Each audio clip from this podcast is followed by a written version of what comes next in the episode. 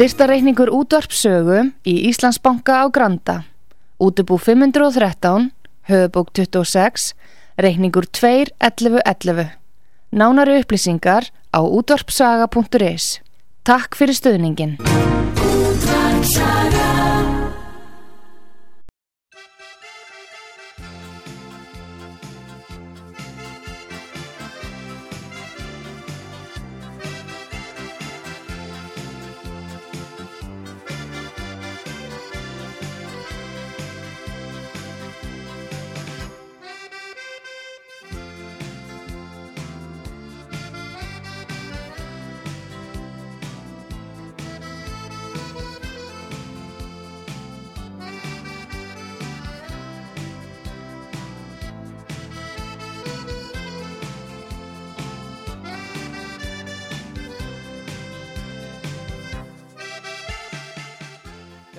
Komið þið sæli þeirra hlusta á útvarsögu. Það eru heimsmálinn sem eru framundan og Gustaf Skúlason, frettamæður okkar í Svíþjóð, hann er mættur á sinn stað. Góðan daginn Gustaf Skúlason. Já, kontur nú sæl og blessuð, artrúður og hlustandi sögu. Já, blessaður og sæl. Heyrðu, stóra Já. máli kannski svona í heimsfrettanum í dag, það er auðvitað strísástandið, síðan er það Elon Musk hann er, uh, hann er búin að gera það að verkum með því að kaupa aðal hlutin í Twitter að menn eru komin í stórun stíl á skjáltavaktina Gustaf Akkur er það svona rættir? Já, hann og það, það er, við getum nú byrjað þá að því að ræða um það að Európið sambandi var að samþykja ný lög, sem sagt eh, komissónin, Frankandastjórnin og Európið þingi voru að samþykja ný lög. Og eh, Elon Musk sem nýr eigandi Twitter í þessu nýju lögum það, sem eru gegn hatus áróðri og ránkvæslum þá verða og þetta gengur undir lagapakka sem heiti Digital Service Act DSA, þá er verið að leggja skildur á netrísana að þeir verða framfylgja sem sagt eh, haturslögum Európa sambandsins sem þýðir í raun að maður taki burtu, þurki burtu alla fréttir sem eru gaggrín og yfirvöld, gaggrín á kóðstefni yfirvalda, eh, það er kallað falsfréttir, það, það eru ímið svona, svona mál sem að þeir eru búin að skilgreina sem sko falsfréttir sem að, sem að í, kannski hjá vennilegu fólki er bara eh, eðlilegar umræður eða eðlileg gaggrín í umræður því að því að það má ekki gaggrína yfirvöldi eða stefni yfirvölda. Nei, uh, hver uh, sko, ég þarf að vita og hlustendur þurfa að fá að vita meira um þessi lög og þessa lögjöf því að hún er, er komin í umferðin samt fær mjög litla umfjöllun hér á Íslandi, mjög litla Gustaf og en okkur er ætlað að fara eftir þess að þetta fer inn í reglugerð. Já og það er sko skjáltin fyrir í gang og hrókin í Európa-sambandinu er sko hann bara vex og vex og er alltaf þingri hérna hann sem er komissionær fyrir innri markanum e, Thierry Breton. Hann kom út með það í dag held ég að vera í dag frekar en gær að e, hann hótar bara mösk já, já. sko við erum með reglur hérna í Európa-sambandinu DSA og ef að, ef að þú ætlar að fara að fylgja einhverjum öðrum reglum um málfræls heldur nokkar, já þá byrjum við á því að sekta Twitter um 6% af veldunni og, og, og ja. leiðir eftir ekki eftir það, já þá verður bara Twitter bannað í allri Európu, segir, segir komissónér franganda stjóri innri, innri markaðsins. Já, en Gustaf, þegar þú segir þetta einmitt að þá eh, sko eh, vaknar auðvitað spurningin hver allar að setja þessa reglu, hver allar að setja viðmiði og leikreglunar um það hvenar eitthvað telstur að falsvett eða samsæðiskenning. Þetta, þetta er tæki til þess að þakka niður í fólki. Það er búið að gera þetta. Þetta er þegar orðið að, að raunveruleika því að þetta væri fyrir síðust viku sem að þessi pakki var samþyktur Já. og samkvæmt sko við erum með á heimasýðu sögu þá erum við með greinum þetta.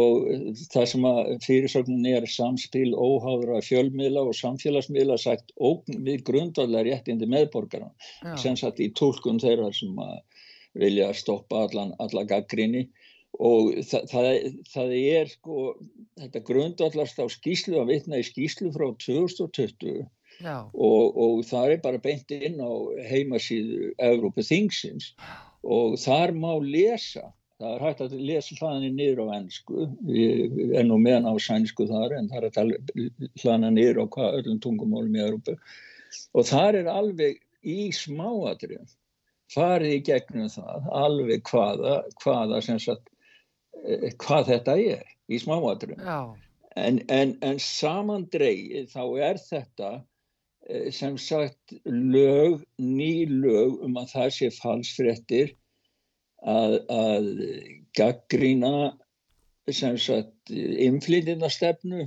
Európsambarsins eh, gaggrína já, við getum kannski tekið stríði núna, ég veit ekki, það kemur óbyggilega með inn þetta líka já. og svo hefur skilgreina sko eh, rasískan hatursáruður, útlendingahatur og aðskilaðastefnu populista, populíska hópar sem ja. ráðast á minnilhauta hópa og stuðlað orðræði gegn innflytjum. Það verður að þetta er svona eiginlega sko verið á að ráða sameilega aðför að það sem að e, stjórnæður Európa-sambansins kalla populista Já. og fjölmiðla populista þá á, á samfélagsmiðlum. Mm -hmm. og það eru þeir, þetta er stjórnmánuleg skilgreining. Og þeir sem hafa skilgreind þannig skilgreinan hann áttur út frá sinni pólitík, ekki út frá pólitík hægrimann Nei, já, bara Eða út frá grundvallar atriðum tjáningafrelsis og mannréttinda það, þetta er ekki svo tólkun skilru það, þannig Nei. að það er engin eitt sem á meiri rétt en annar. Það er grunnurinn í þessu.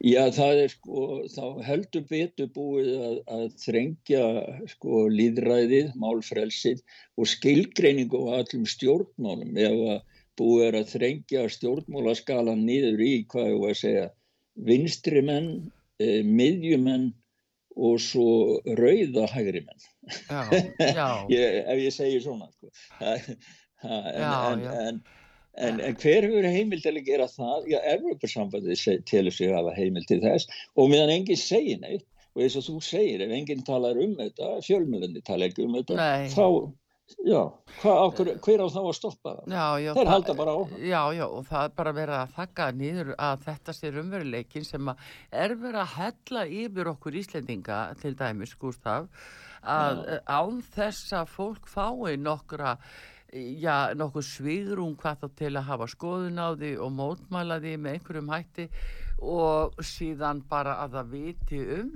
hvað, hvað er verið að hvað gera. Hvað er að skilja, já. já. Sko, Európa-sambandi er að stopna í þessu samhengi, Artur. Þá er Európa-sambandi að koma að fót nýrið stopnum sem heiti European Digital Media Observatory. Það er að leggja niður mikla peninga og mannfjölda í það að fylgjast með öllu netum fyrir það, fyrir það að framfylgja þessu lög. Já, já. Þá erum við aftur komin að því þetta er þessi netlögga og, og hvernig vinnur netlöggan? Er það vegna að, að það er einhverja gaggrina COVID-aðgerði, sérðu hvað það er viðkvæmt hjá þeim að þeir eru svona hrættir við alla umfyllunum COVID? Já, þetta er nú eins og til dæmis eh, Facebook og Já. Twitter hafa gert sko. Já. Þeir hafa bannað fjarlægt reikningafólks, fjarlægt skriffólks, sett viðvarannar stimpla á skriffólks sem er að ræða um aðrar skoðanir heldur en yfirvöldum er, er, er sætt að standa á. Já. þannig að, að sko, það er þegar byrjað að innlega þetta þannig og nú er á bara að taka skrefi fullt út og það er bara komið stofnur sem verður eftirlitslaurugla eins og þú segir eftirlitslaurugla með því sem að sagt er á netinu. Svo bara þurka burtu alla umræðu og alla aðila sem er ekki sammála yfirvöldum. Já, já. Það verður bara ein skoðun leiðileg og það er stjó, skoðun stjórnvalda það er Já. bara svo skoðun sem hafa að fá pláss á netinu Þetta er náttúrulega rosalega alvarlegt um, máli í sjálfu sér og, og bara byllandi brota á uh, uh, við að til dæmi stjórnarskrar okkar, stjórnarskrar okkar hérna á Íslandi uh, barandi tjáningafrelsi og skoðanafrelsi og hugsanafrelsi.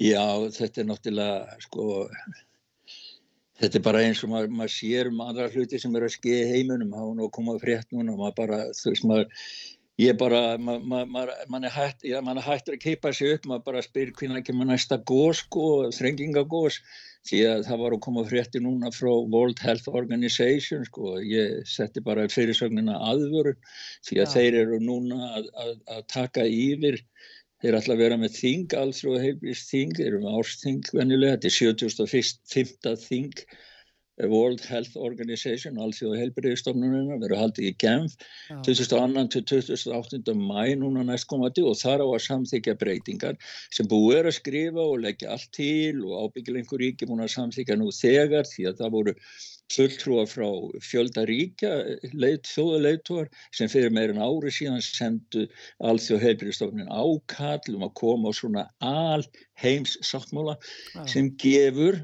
alþjóða heilbyrjastofninni ein hliða yfir vald, yfir mm. öllum þjóðríkum heims 190, 192 allavega sem eru meðlifir að, að fá einræði yfir helbriðismálum við komandi ríkja. Og verða þess að 13 breytinga til og samþýkta núna þá er, er það myndi ég segja bara fyrsta skrefið í í, svona, í myndun eða ferli sem gæti enda með ein, einni alheims miðstjórn fyrir allan heiminn.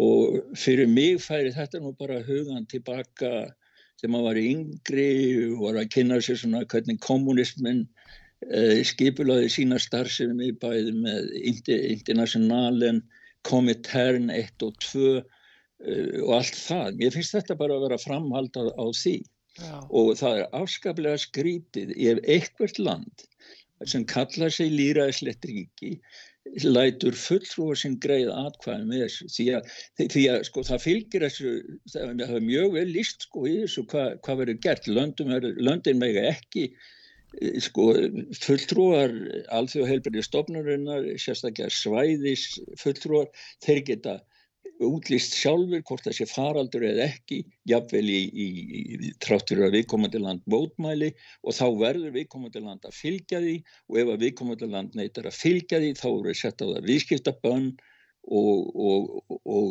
bara reynda að gera það að persónum non grata, það er bara stríð. Já. Þannig að, að, að sko, þá beita völdum. Þeir sem fylgja því þeir kannski að fá einhverja styrki, peninga til þess að framkvæma eitthvað eftirlit eða bólusetju annar og maður, ég spyr mér sko þegar maður les svona fréttir fær svona fréttir, ég spyr mér sko jáhá, núna er þetta í helberismálunum kannski lokaðir, hvena kemur þá lokun út á lofslæginu hvena kemur, sko þetta heldur bara áfram þetta heldur bara áfram, já, þetta er bara fyrsta svo bara heldur þetta áfram, kemur eitthvað annan næst og bætist við og bætist, þetta er alltaf eina bókinu lært. Já En uh, það er líka þetta að hú eða alþjóða helbriðismálastofnuninn uh, eh, ætli sér uh, að yfirtaka helbriðismál í helst öllum löndum eða innan ESB allavega og þá EES líka. Við þurfum einhvers staðar inn í þessum pakka á þess að okkur sé sagt frá því. Það eru 192 aðeldaríki sem að muni þjóðir sem að muni senda fulltrú og ég reikna með Ísland sendi fulltrú og þanga líka Já. 22. til 28. mæ mm -hmm. í Genf sem að greiða aðkvæði um þetta og ég sko á Íslandi verði því að spurja sko ykkar stjórnmálamenn hverjir fara og hva, hvernig þeir ætla að greiða atkvæði. Því að greiði þeir atkvæði með þessu gangi Íslandi í þetta þá er búið að taka á Íslandi réttindi til að sjá um sín eigin heilbreyðism það er alveg auðvist máli Já, já, þá sko þetta er þetta partur af þessari já, e, einu heimstjórn byrjaði svona eða er þetta bara bundi við helbriðismálin, helbriðiskerfið og orumulega þar aðferði sem þeir alltaf samræma í öllum heiminum? Já, sko þannig lítur málið út núna. Það er, Já. sko þeir eru, samkvæmt því sem það lítur út núna, þá eru þeir að bregðast við ákallinu frá þjóðarleitunum. Það var meðal Boris Johnson, Angela Merkel, eh, Emmanuel eh, Fra, altså, Macron, Fraklandsforseti Já, og Európa-sambandi skrifu undir saminlegt ákall og það er langt bref, það er tilvitnin í þetta bref og heimasíðu sögu, það er la- langt bref, það sem að þeir segja sko að reynslan af COVID-19 e, þurfi þá þurfi að koma einni samilegri stjórn í öllum heiminu til þess að vera, hvað ég var að segja, vinna betur, fá meira fyrir peningin og allt það, hann er þetta hljóma voðalega fallega, Mm. það vantar ekki. En löndin afsala sér fullveldi sínu já, í helbriðismann. já, Þessar breytingar sem við erum að gera núna þýða að eftir það verður þetta samþygt, þá er alþjóða helbriðistofnunin miðstjórn alls heimsins í helbriðismálum. Ekkert ríki af þessum 192 sem eru meðlemið geta skorist undan því. Þau eru búin að skuldbunda sér til þess. Og ég veit ekki, sko, íslenska stjórnarskráin segir nú að enginn geti gert samninga við, við Erlend ríki eða Erlend, Erlenda stofnanin nema fórsetin og, og það, verði, það verður ábyggilega að verða samþygt og eða gert í samráðu við alþingi. Já, já, hann má ekki skrifa undir eitthvað sem að felur í sér kvöð, sko. Það- Nei, og þetta athuga- sko, segi. Já, já, hann má það ekki, sko, einn. Al, já, það er alveg á hreinu, sko, hann má það ekki.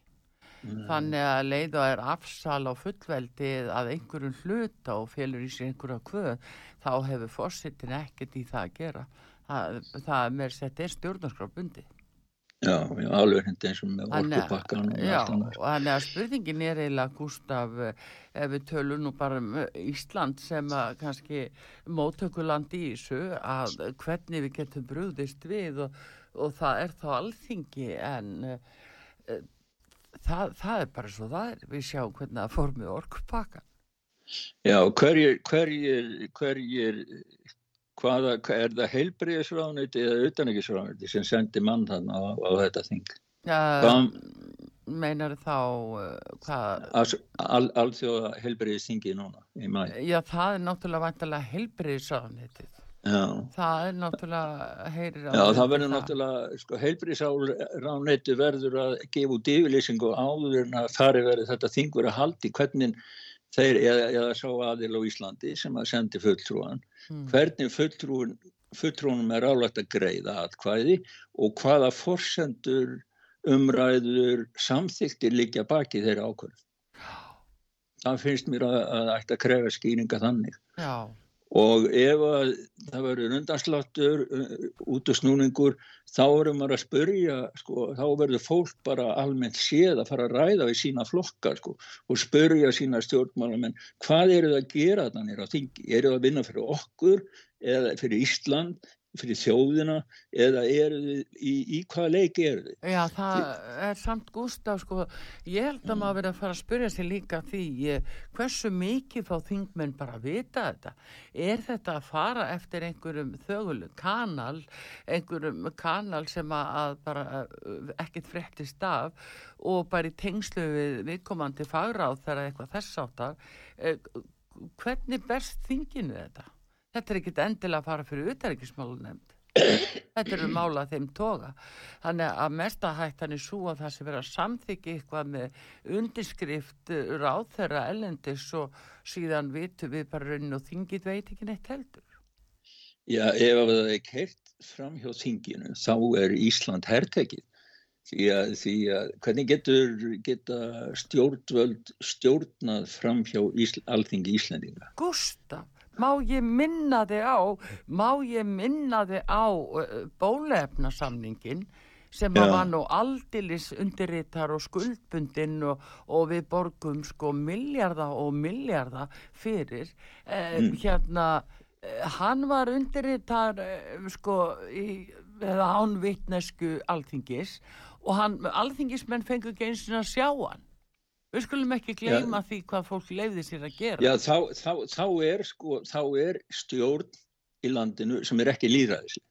Því að það er á alþingi eru líðræðisleiri kjörnir ennbættismenn fulltrúar eh, almennings íslensku þjóðurinnar, Íslandinga. Já. Fólk velur, fólk velur sína fulltrúa í ólíkum flokkum sem kosið er um líðræðisleiri kjörnir fulltrúar þjóðurinnar og alþingi. Ef að það er annað sem stjórnar og þeir fá ekki að vita og þeim er bara haldið í skák, þeir fá ekki að vita neitt, já þá er einhver önnur ríkistjórn, e-, eða einhver ríki, ég kalla þá ríkistjórn, einhverju önnur stjórn sem stjórnar Íslandi og alþengismenn láta, láta það líðast. Og þá verður Ísland, almenningur á Íslandi, að spurja sína stjórnmálamenn af hverju láti þið þetta líðast. Já. Því að þetta, þetta er náttúrulega, sko það er ekki hægt ef að, ég menna þá er búið að kippa grundvelli stjórna, íslenskar stjórnarskrá Já. undan íslenskri stjórnarskrá. Þá er ekkert að marka lengur alþingis kostningar ef að bara er verið að kjósa menn til þess að setja eins og puntudúkur í einhverjum fallum sal og þykja, þykja hæfileg laun og allt það. En, en, en þeir stjórna ekki get ekki stjórn. Nei, en eh, einhverstað kemur þetta frá og þess að við sko vitum náttúrulega við erum bundina reglugerðum og gerðum frá eh, ESB og Europasambandinu og eh, því sem að frangvöndastjórnin hefur ákveðið með þeim eftir. Þannig að við erum bundin af þessu en virðumst ekki framkvæmt hafa neina möguleika á að stoppa það þrátt fyrir að við höfum neitunavaldi í þessu. Já, en ekki gleyma því, við erum bundin Íslendingar af íslensku stjórnarskráni og sangamt Evróska efnahagssankomulæginu, þá hefur Ísland neitun á allt. Ráðamenn, stjórnmálamenn geta alveg sagt, já svona ætlum við að gera á Íslandi, við þurfum ekkert að vera að gera svona eins og þið gerið. En þetta hafa þeir ekki þórað sem hafa verið eftir að Davíð Oddsson hætti sem fórsættisvara. Já, já, það, því miður þá, eh, þá hefur það en samt sem að verður að hafa það í huga að við samþýttum forgámsreglu sem fór inn í íslenska rétt sem því þýðir að, að í framkvæmda að eh, lög EES ganga framar íslensku lögum en spurningin er þetta með stjórnarskran og það var gengið dóma sem að sína það og sanna að við þurfum að samræma okkar aðstæður eh, þeim. Þetta Já, er nefnilega sko, miklu starra mál heldur það að nokkur rými í fjölmjölum og einhverju umfjöllina og einhverju viti. Það, það, þetta er bara svona þakka, þetta er eitt af því sem er þakka og sennilega ef þau varu komið með lögjöfuna núna, eh, þakkunarlögjöfuna, þá væri mér sennilega að banna að tala um þetta við í Gustaf og segja, segja frá þessu að þetta tengdist COVID og, og gaggrín á stjórnvöld. Já, alltaf er ég, við, við, við verðum Já, það verður spennand að sjá hvernig þetta fer Já. en allir þeir stoppi venjulega símalínur, ég veit það nú ekki ha. Já, allavegna þú þarf kannski að taka einhverjum afleggingum en, en þetta er kannski Já. dæmi þess sem verður ekki vantalega heimilt að tala um Sko, já, og það sko, þá, þá ég meina, hvað hva maður að kalla svona, svona aðfarir Sko er þá, er þá hægt að segja Artrúr, að Ísland sé bara orðið með aðili að Evrópssambandinu þó að það sé ekki það formlega að, þó að bara að, aðili efnahags, að vera aðili að efnahags sambandinu. Já, sumir segja að það sé þannig í framkvæmt af því sem við höfum þessa bindingu á, á bara að takin íslenskan landsrétt eh, allar reglugerðir og, og gerðir sem þið samþykja Já. og það bindur okkur í báða skó Já, en vandamáli sem Íslendingar hafa í sambandi við það mm. er að hæstiréttur hefur aldrei fengið að reyna þetta, dæma í þessum málum. Það hefur alltaf verið farin einhver bypass leið, framhjá leið, það hefur verið fundin einhverja leiðir til þess að retta sér pólitíst á einhverjum populískun stjórnmálamunni segi ég sem eru að, að, að vinna í skamtíma einhverju skamtíma sjón, sjónamið mm, því ja. þeir hafa ekki farið með vafamálin inn á borð hæstaréttar. Ákvöru er hæstarétt á Íslandi sem er æðst í domstól landsins og byggir á grundvili stjórnarskrána ákvöru honum haldið utan við þessa þróun Þeir hafa þókust að verið núna ja. sko svona síðustu missinni verið að dæma einmitt uh, það sem þeir uh, taka undir þessa forgámsreglu ES réttarins og, og sína fram á, á viðurkenningu á því.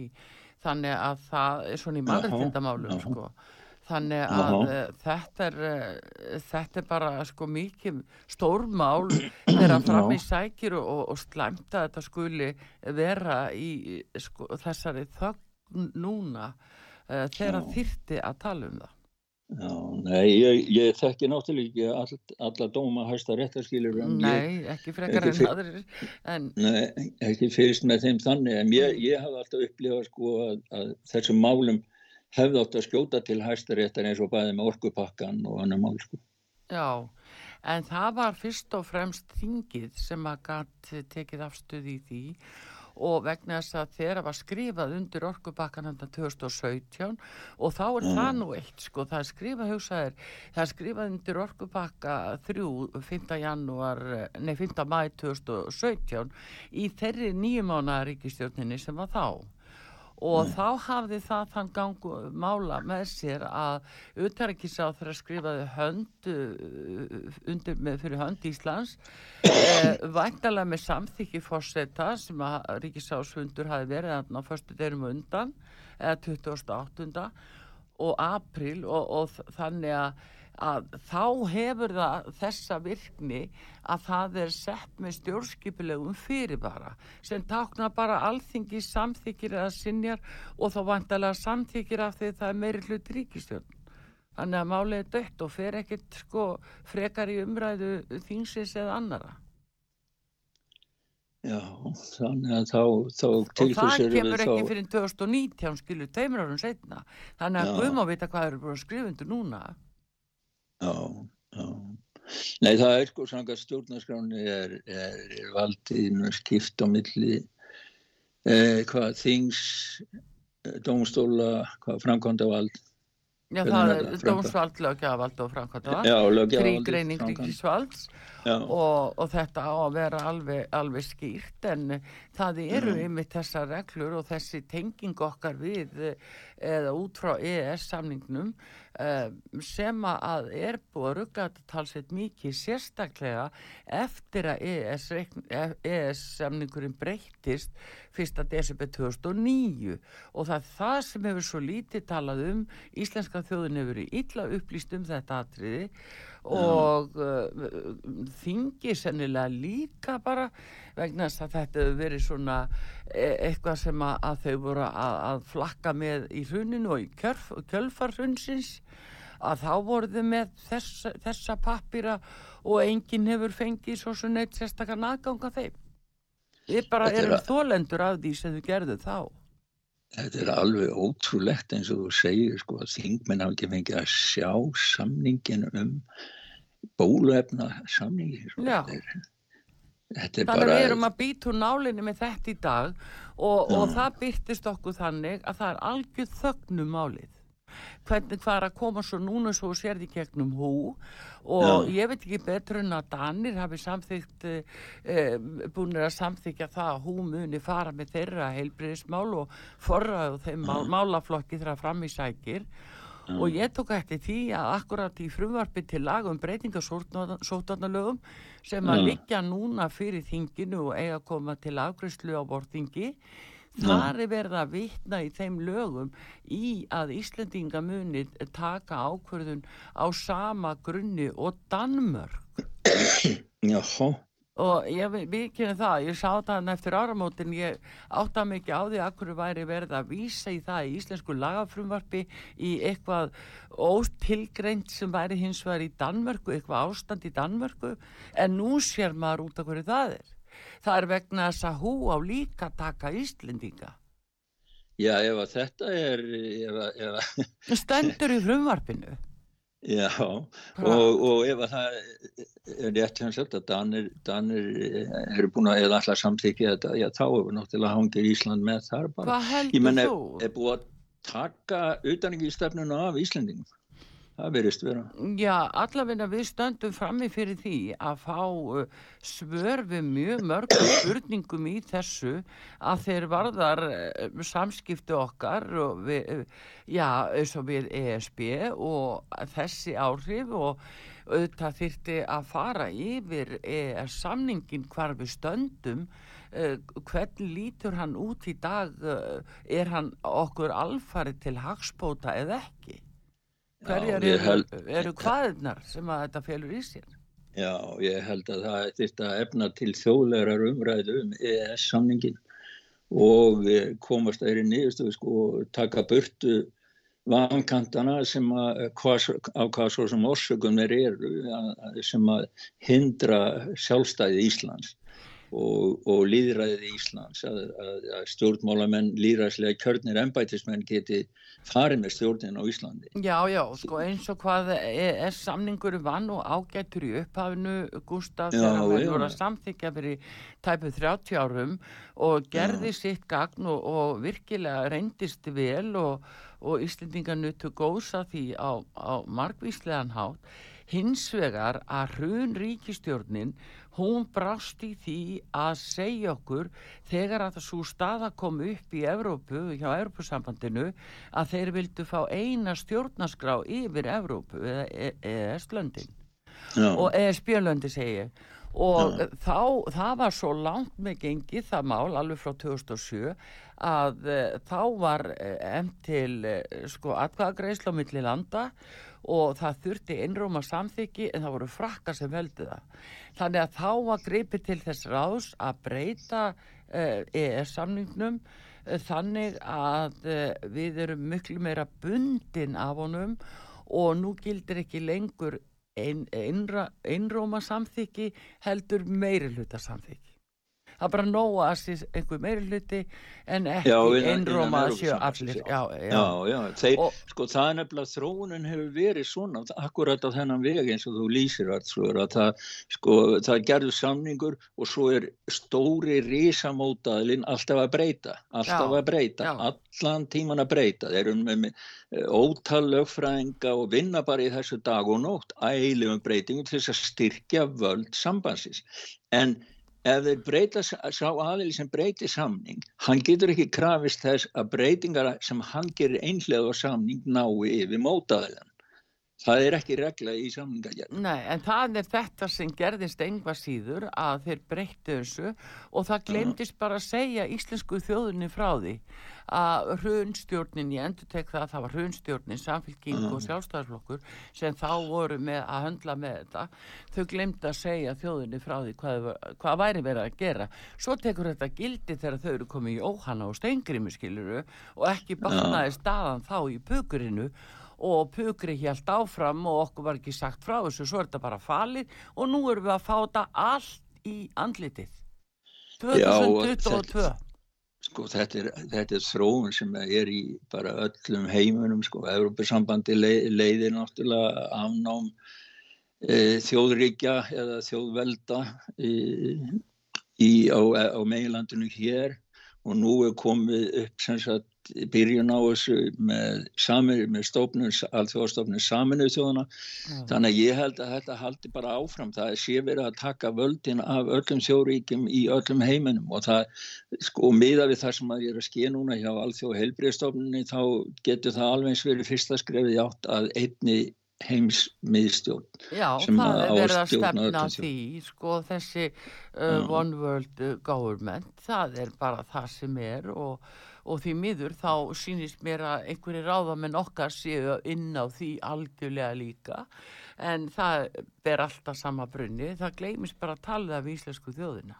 Já, það... getur maður þá ekki sagt sem slík, slík, sagt sem svo að ef að stjórnmálamenn innan gæðsalapa gleima þá hafa þeir kannski fengið einhver að greiða semi fyrir glemskuna því að ákveru eiga menn sem eru trúið sínum eh, sem sagt eh, kjósendum að gleima svona hlutum í stjórnmálum Já. Það er einhver fiskur á baku stein hér. Já, já, það, það er það. Þetta er bara, þetta er ákveðið einhver starf á þröngum uh, uh, fundum þar sem að, að sko fjöldin og, og við almenningur fáum ekkert að vita og, og þessina sér maður það eins og núna eftir að hann tilkynntum kaupina Nilón Mösku á Twitter, Gustaf, þá sérðu hvernig hú fer á límingunum þá er bara þeir komnir á skjáltavaktinu þeir svo hrættir við það að, að á Twitter munna afhjúpast það sem þeir að vera að gera. Já, já, e, í Európusambandi sko, það, það, er, það er alveg já, þeir eru sko, þeir eru, eru hrættir mér, mér finnst ástandið svona bara uh, vera við erum bara komin einhvern stað sem maður hefur bara lesið um í sögubókunum sögubókunum skilur það sem maður var hérna áður. Ég er nú fættur sko eftir stríðið Já.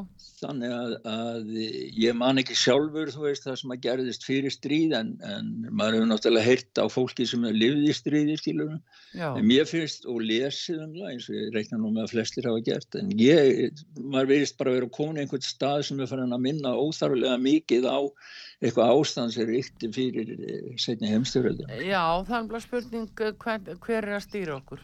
En uh, Gustaf, við skulum halda áfram að fara yfir helstu heimsmálinn hér á eftir.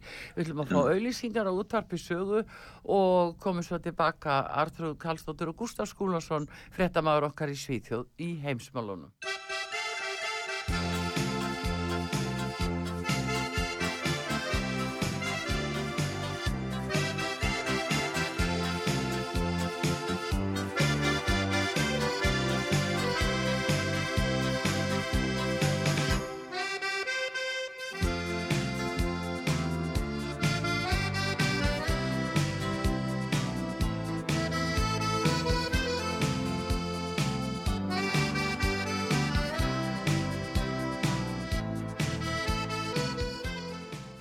Sæl aftur uh, heimsmálinn og útvarpi sögu Artrúðu Kallstóttir að tala við Gustaf Skúlason, frettamann í Svíþjóð.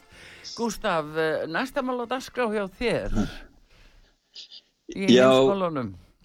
Já, það er sko, ég myndi um að segja það að mann ætti að ræða sko að það hefur verið að byrja að taka upp uh, svona samfélags uh, trausta punktakerfi bæðið á Ítalíu og sænska ríkistórninu með þetta líka og sem að byggir á, sem er náttúrulega útskýrt á, á staðböndin hátt á báðum, báðum yfirvöldum í báðum landum Já. en byggir á, skal ég segja þeir, sama sömu hugmynd og sama grunni og samfélagströstkerfið í kommunismans í Kína með verðlunakerfi, punktastífum verðlunakerfi þá sem að, e, eru samfélagströst verðir samkvæmt uh, skilgreiningu yfirvalda. Já, er nefnilega það. Segð okkur, segð okkur frá þessu, Gustaf, hvað næst, sko? Já, hvað næst, já, hvað mm. næst, spyr, spyr maður líka, sko. Það er, sko, þeir í Ítalíu, þeir, sko, þeir, þeir voru að kynna núna útfarsluna á nýja, og þetta er fyrsta kerfi sinna tegundar í, í, í ESB og ja. þeir segja það að þetta sé til þess að vernda sko, hvað segir, auðlindir og vernda lofslægið og eiga að hjálpa fólki í þeir sem hegða sér vel eiga að fá, fá sko, aukinstíg og e, til dæmis ef að, maður sko ef að til dæmis ef að maður myndi bera þetta saman við til dæmis í bandaríkanum og maður ætlaði að gefa peninga í þjóðlega byssusambandi eða kaupa hlutabrið og olju þá er það náttúrulega bara tekin ábyggilega út og fengi ekki núlstig í samfélagströstinu en, en, en eh, sko ef maður fylgir með samkvæmt þessum punktum sko þeir ætla að hafa áhrif á fólk til þess að taka almenna samgöngur í staðan fyrir að taka bílinn ef þú fjárfestir að fjárfesti grænum fjárfestingum og svo framvis. Það er þannig sem á að stýra, byrja að stýra hegðum fólks stjórnmálulega. Og svo náttúrulega ef þú ferða, ef þú hagaðir sko, sko ef þú ferða að hagaðir sem, sem er gegn, gegn e, yfirvöldum sem er ósamála stefnu yfirvalda þá þá hérna sko fær maður, missum maður, missum maður punta sko. Já, ef þú ert gaggrinir yfirvöld, uh, farið mínusteg þá eða? Já, fær maður mínusteg. Til dæmis ef ég tek fyrir hérna, byrti nú uh, frumvarp sænsku ríkistjórnarinnar, mm.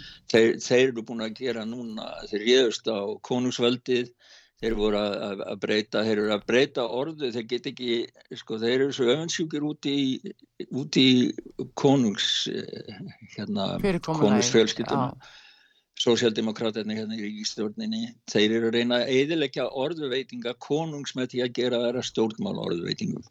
Og e, þeir hafa í þessu sambandi eru líka að blanda saman fánadögum og á átta, það eru átta nei það eru sex, býtur mann ekki, sex eða átta fánadagar, sex fánadagar í Stokkosti held ég.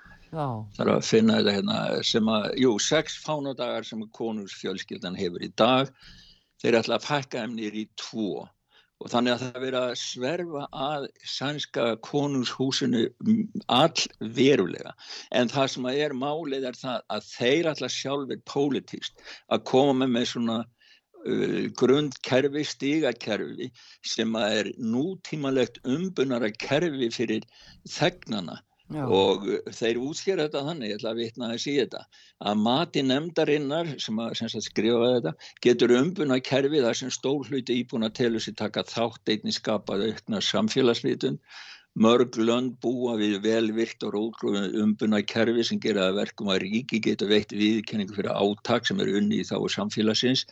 Sko þeir, þeir lýsa þessu á voðalega svona jákvæðan hátt skiluru að, en, en, en, en þetta er til staðar í gegnum eh, kon, sannska konungshúsi Já, en segir mér, eru þó ítalinni líka, eru þeir búin að samþykja þetta?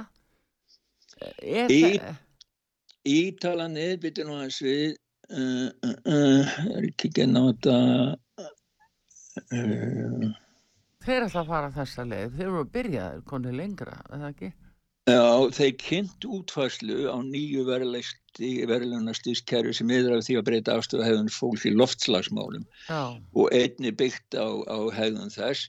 Og tilrunum hún, hún hefst núna í haust í Bologna. Í Bologna á Ítalið og borgara sem fylgja, skrifa ég þá, lofslagsdómstags bánum og sína góða hegðun til dæmis með háréttir endu vinslins og ferðast með almenni samgöngum. Þeir fá verðlun í formi stafræms gjaldmiðils og afslóti til afsláti á vörum hjá staðbundin smásölum af sög Bálónia. Það er ríki sem satt fyrir inn og niðugreiðir vörur og gefur afsláttin til verðlunar góða meðborgara með svona afslætt á nýðugröðum vörum og e, svo fá þeir líka greitt í stafrænum gjaldmiðli. Þeir fá, hafa verið komið á svona snjallveski, e, meðborgarnir fór snjallveski þar sem hættur að sækja verðlunin á netu. Og því fleiri stík sem maður fær og tengja skóðum hefðunabreiting og þeim er fleiri frí, fríindi farman. Þetta er sem sagt kerfi sem er búið ákveð og verið tekið í nótkun núna í Bologna í Ítali. En Gustaf, þetta er kynverska fyrir, þetta er kommunismi. Þetta er, er kynverska kerfi og, já, og já. þetta er það sem er að tengja okkur uh, uh, sko við. Já, þú sér sko að, já, já, allir ekki nota engabílinn, fariði bara í, í, í hérna stræt og, og og svo er strætói kalla alls konar borgarlínu nöfnum og öru slíku til að færa þetta nú eitthvað en bara veriði í, í strætu en strætisvagnir og þá fáið þið punta Já, það er sem sagt sko þróunin, þetta, þetta sýnir það hvað þetta er orðið, hvað þetta er komið langt finnst mér. Já. Sko það frá því bara fyrir ári síðan þá kannski fannst fólk hérna að vera fáralegt, já hvað kerfi sem kýmverði með, hvað hefur við að vera að gera með það á Vesturlandum. Núna er þetta orðið alvara sko, núna er þetta komið fram og það eiga fleiri eftir að koma.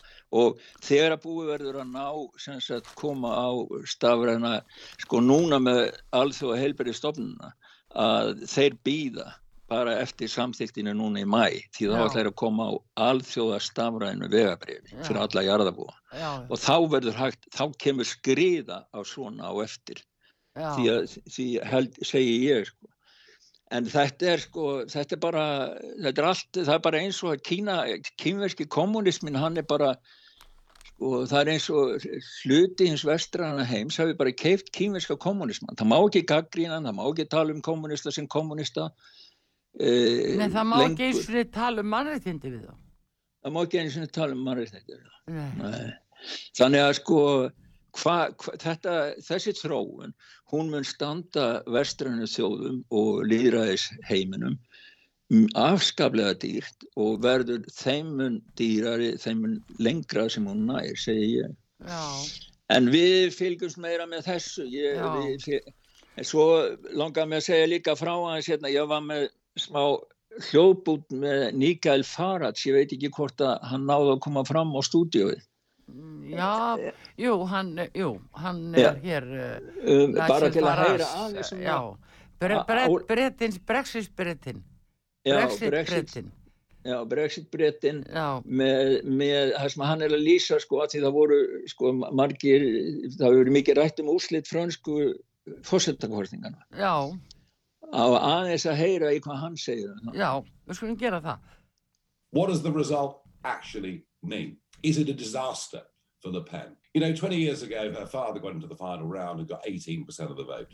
This time, she's got 41.5% of the vote. That means more than four in 10 French adults that voted voted for Marine Le Pen. I have to say, it's far from finished, and certainly that movement's far from finished. What the election was really about is do you want an EU globalist future or do you want a French future? It's a bit like Brexit, really. Paris, the corporates, the big companies, the comfortable middle classes in the state. But actually, something very different's happening in France. The youth are completely rejecting the establishment, the status quo. That's shown by the numbers that have voted for Le Pen and the numbers that have voted for Mélenchon.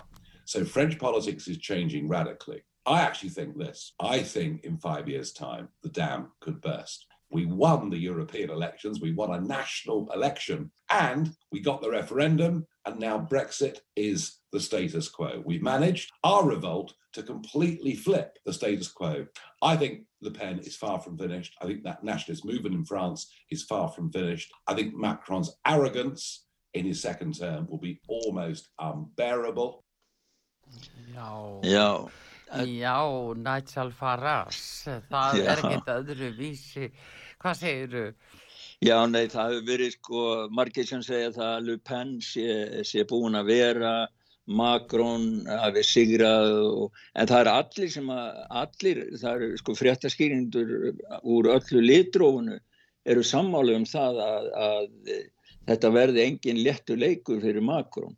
Og, og eh, Macron segir að hann ætla að verða að fórseti allra frakka en það eru afskaplega fáið sem trúa því að, því að hann hefur ekkert sínt að hann hafi verið. Hann er bara fyrir, fyrir Evrópusambandið, hann er Evrópusambandsmaður og eins og Michael Farage sæði hann er, er, er globalisti.